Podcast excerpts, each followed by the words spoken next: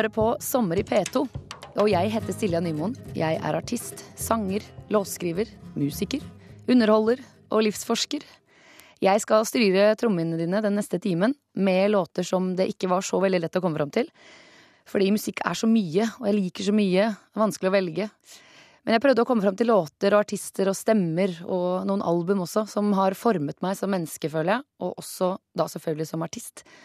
Eh, jeg vil spille låter som får meg til å huske hvorfor jeg er artist, og hvorfor jeg elsker musikk, og så får meg til å føle noe.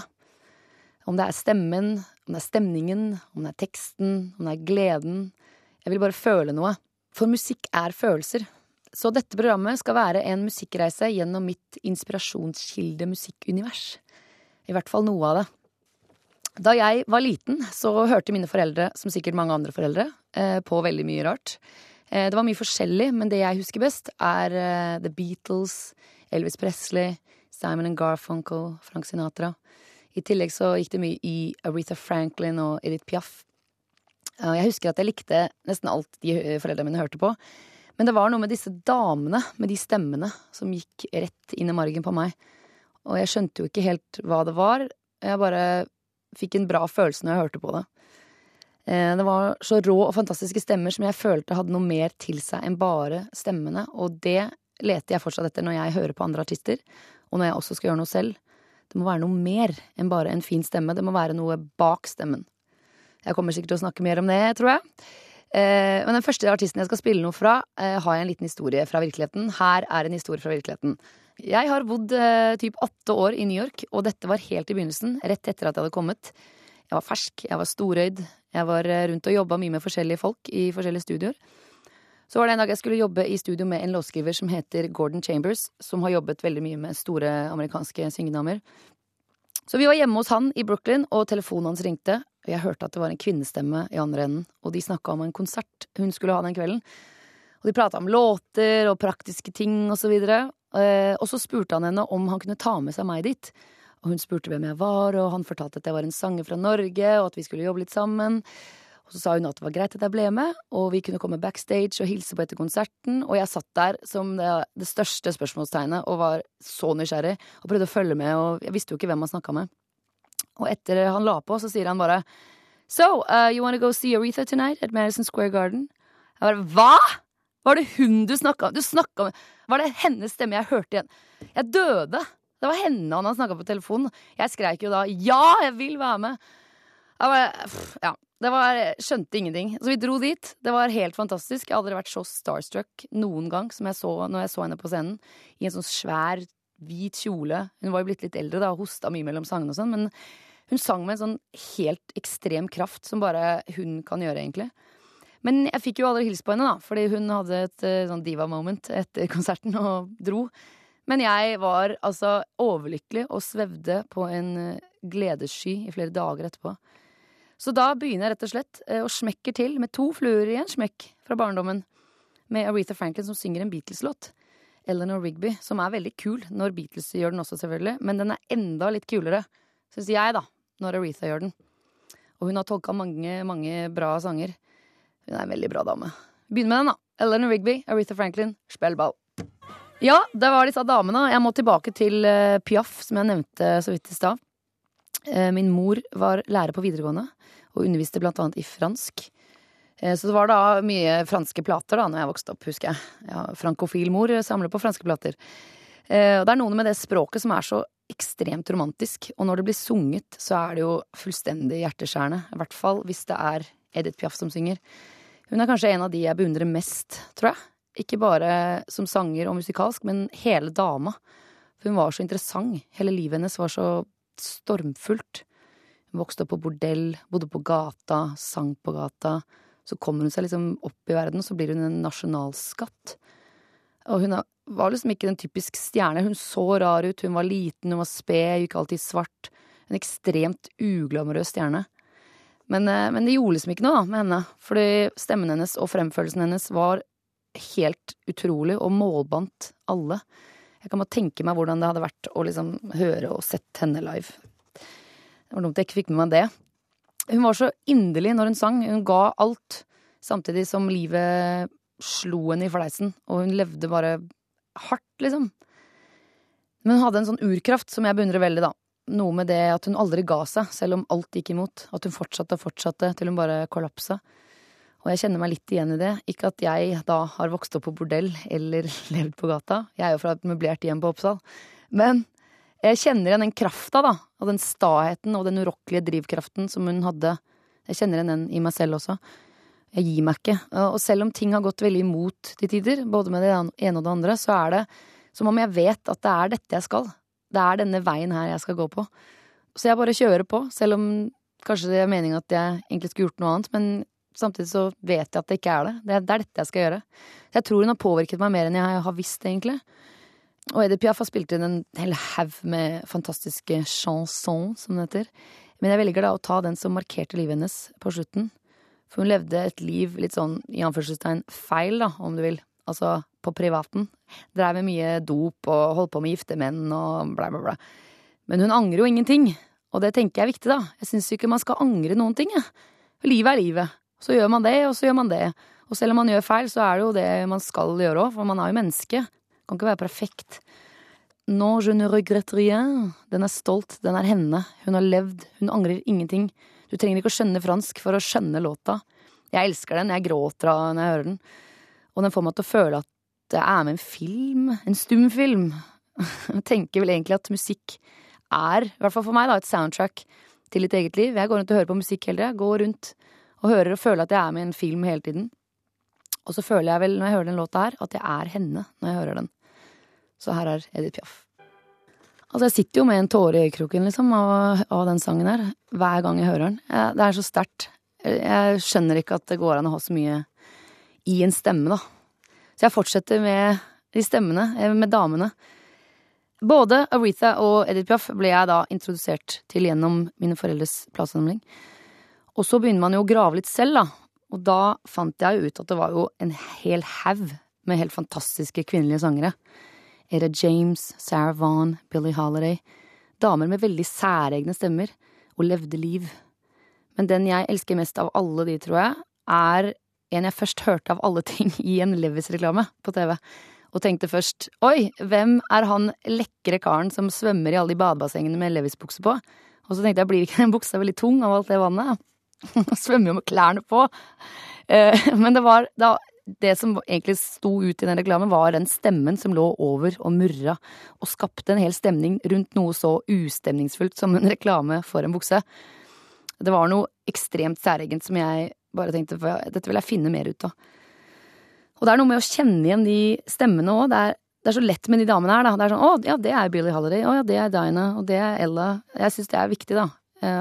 Jeg har personlig ikke gått til sanglærer, fordi jeg er redd for at de skal prøve å slipe meg ned og gjøre meg som alle andre, og jeg vil holde på min egen særegenhet.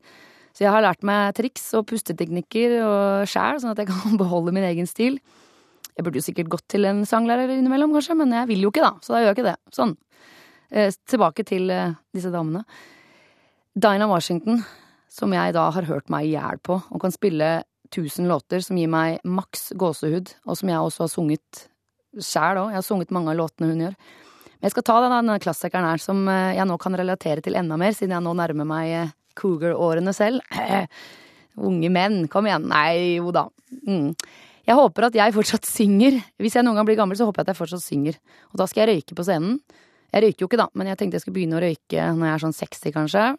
Så skal jeg drikke masse whisky, og så skal jeg ha på meg masse glitrende gevanter, og så skal jeg være sprade rundt og være superdiva og frekk og bare synge sånne låter.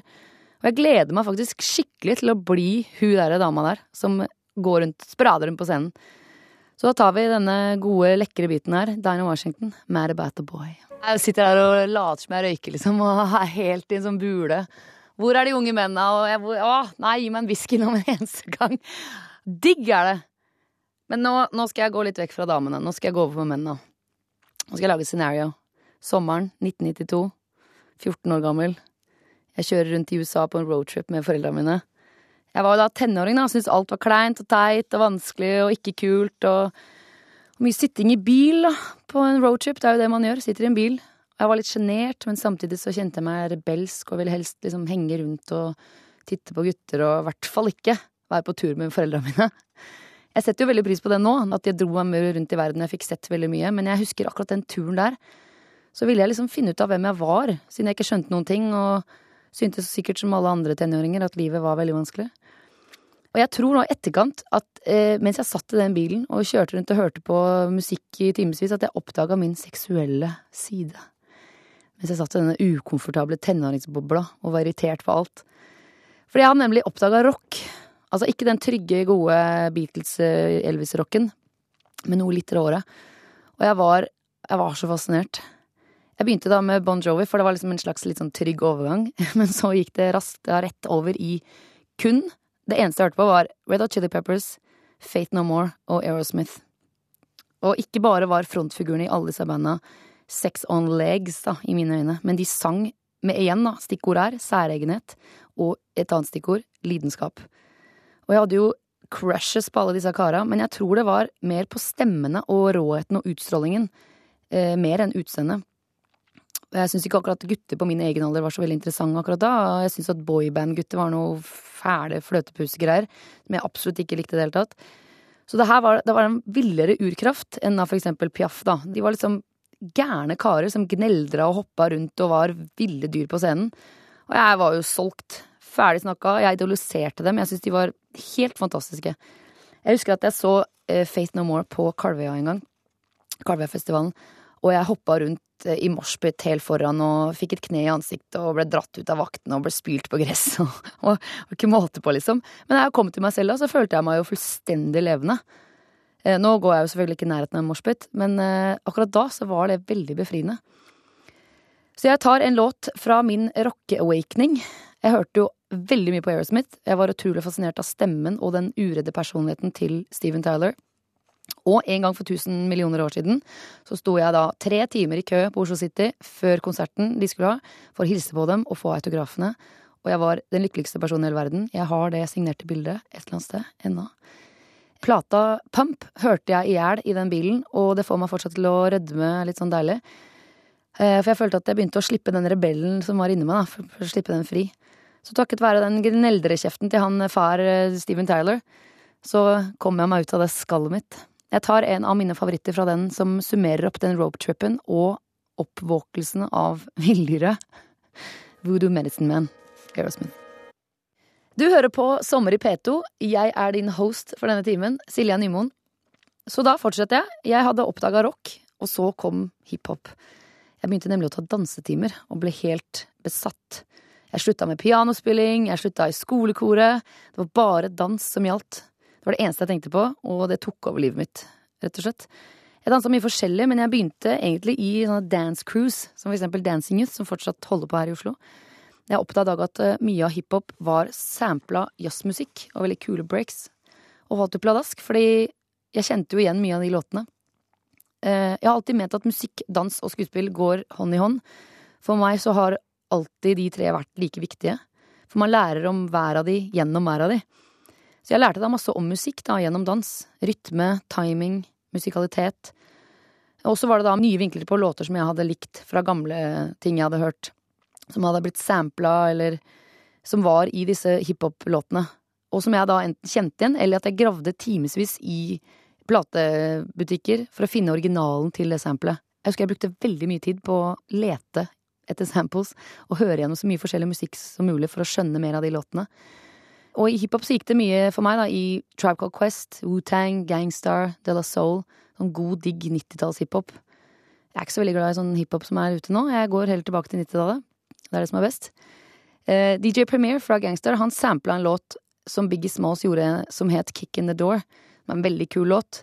Men originalen er enda kulere. Den de sampla. Det er med en mann som har en ekstremt særegen stil. Det er nesten litt skremmende. Han er veldig sjelvrengende. Så jeg tar originalen, selvfølgelig, for den er eh, helt utrolig. Og den er en veldig kul versjon av en veldig klassisk sang. Screamin' Jay Hawkins. Scream it away.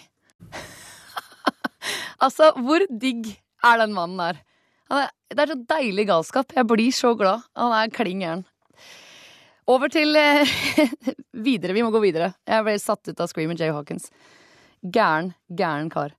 Så midt i den dansetida da, så hang jeg veldig mye med b-boys også, altså breakdansere, som jeg fortsatt syns er noe av det fineste jeg vet. Breaking er en sport, men det er kunst, og det er veldig imponerende. Og jeg husker at jeg var på utallige battles i tenåra og i begynnelsen av 20-årene, og, og, var litt sånn små-b-girl en stund nå, lot som jeg var liksom breakdanser. Det er en veldig positiv stemning rundt sånne battles og i det miljøet, så jeg ble veldig glad å tenke på alle de minnene fra den tida der. Og det er en låt fra den tida som jeg husker veldig, og som igjen er da sampla med noe veldig gøy. I dette tilfellet så er det da spagetti-westernmusikk fra Ennio Morricones For a Few Dollars More. Som er sånn super-western, liksom. Jeg er veldig på sånn spagetti-western-soundtracks om dagen, og er veldig inspirert av det. Så jeg har noen, for eksempel låta mi Trailblazer, som er fra mitt nye album, er inspirert av den tida der og den spagetti-western. Og jeg sier ofte til gitaristen min kan du, nei, gjør det med spagetti, gjør det med spagetti. Jeg syns det er mye morsommere enn vanlig gitar. Um, og jeg ville ha noe som jeg føltes litt som Å, jeg rir på en hest i en gammel såpevestern og blir jaget av fine indianere, og jeg håper jeg blir fanga av de fine indianerne fordi jeg er ville og vakre. Mye morsommere enn cowboyer. Akkurat sånn, faktisk. Og denne låta, som jeg spiller nå, har da en god blanding av alt det der. Selv om det er om Mexico og The Battle of Alamo, men det er Det er liksom spagettivestern de luxe, da, med liksom b-boy breaks i. The Mexican heter den låta. Jeg elsker alt i den låta. Bygden, gitarriffet, som er fra Morricone, bassen, stemmen, teksten, og at den er tidløs. Den er spilt inn i 1972, tror jeg, eh, men den er fortsatt veldig massiv og veldig kul, og får alle b-boys til å gå i ringen og battle. Jeg lover det. La meg ta deg tilbake til den deilige tiden. The Mexican med Babe Ruth. Ok, nå skal vi over til noe helt annet. Noe pur ærlig. Hvis du ikke liker Bob Marley, så er det noe galt med din indre menneskelighet. Og det mener jeg skikkelig. Han har lært meg at så lenge du er ærlig i musikken din, så kan det ikke være feil. Det er kanskje ikke alle liker det du gjør, men det kan ikke være feil, så lenge du er ærlig. Og alt han gjorde var så enkelt på et vis, men så ekte, og det går rett inn. Jeg hørte på Bob Marley mye en stund for å komme meg ut av en skriveboble hvor jeg hadde satt meg fast fordi jeg hadde bestemt meg for at jeg skulle bruke store ord jeg egentlig ikke skjønte, og jeg følte at jeg måtte skrive kule ting for å passe inn i popbransjen, og pff, veldig tullete. Men man må jo gjennom sånne faser òg, sikkert. Um, så jeg ville komme tilbake til noe ekte. Man trenger ikke å pakke det inn. Man bare si hva man føler. Og noen syns kanskje det blir cheesy, og noe av det blir jo det også, men, men egentlig ikke. Ikke prøv å være så kul, da. For det er ikke kult. Bare vær ekte. Nå har jeg blitt veldig sånn at jeg er ikke så opptatt av at det er kule ord og fiffige greier og den nyeste slangen og Men det må være ærlig. For eksempel eh, låta mi Become My Dream. Den er rett fram. Den er absolutt ikke pakka inn i noen ting. Den handler om å bli det man drømmer man kan bli, og ikke slutte å tro på det. Og det er et tema som går igjen mye hos artister, og da også hos meg, da. For det er vanskelig å bli drømmen sin. For det er alltid noe i veien, det er noe som hindrer deg, folk som ikke tror på deg, eller du tror ikke på deg selv. Tvil er jo den største fienden min, i hvert fall. Så man må peppe seg selv opp hele tida. For det er alltid noe tvil som ligger og lurker og skal lure deg vekk fra det du egentlig skal gjøre. Så da er det fint å ha fine, gode Bob Marley til å minne meg på at It's okay, man! Don't overthink, to do it! jeg skulle ønske at jeg hadde skrevet typ 90% av alle låtene til Bob Marley. Jeg syns han er helt unik, og det er ikke uten grunn at han nådde fram til så mange mennesker og blir nesten sett på som en gud. Det er så enkelt. Det er rett i sjela. Og det å høre på Bob Marley gjør alltid at jeg tenker at eh, det kommer til å ordne seg. Alt kommer til å ordne seg. Eh, det er også det som spilles når jeg tatoverer meg, noe jeg gjør litt ofte, kanskje. Hver gang spiller jeg Bob Marley, for det roer ned sjela, og det setter meg i en tilstand. Det setter meg i en fin tilstand, en transe, en utopia. Særlig denne låta her. Altså, det som er så fint med denne sangen her, da, er at du hører at de spiller feil. Det høres ut som de bare står inne på et kjøkken og bare spiller inn sånn Men det er så fint! Det trenger ikke å være så mye greier. Det er bare Den sangen der går rett inn i sjela mi. Takk, Bob Marley, for at du er så fin. Jeg skal over til en annen mann. Tom Waits. Den mannen der, da. Han er jo ja, helt fantastisk. Han skriver de mest poetiske låtene og vakre, syke tekstene. Men han høres ut som en gammel fyllik i stemmen sin. Og det er de deilige kontrastene der som er helt fantastisk kombinasjon. Jeg leste i et intervju en gang at når han var ung, så beundret han sin onkel, som nettopp hadde en sånn raspete, hes stemme, og at han ville bli som han, da. Så han begynte å røyke og drikke masse whisky. Så fikk han da denne stemmen. han har også et veldig fint Jeg elsker quotes. Han har et veldig fint quote. I love beautiful melodies telling me terrible things. Oh, altså, Er den finere enn Nei, jeg, ja.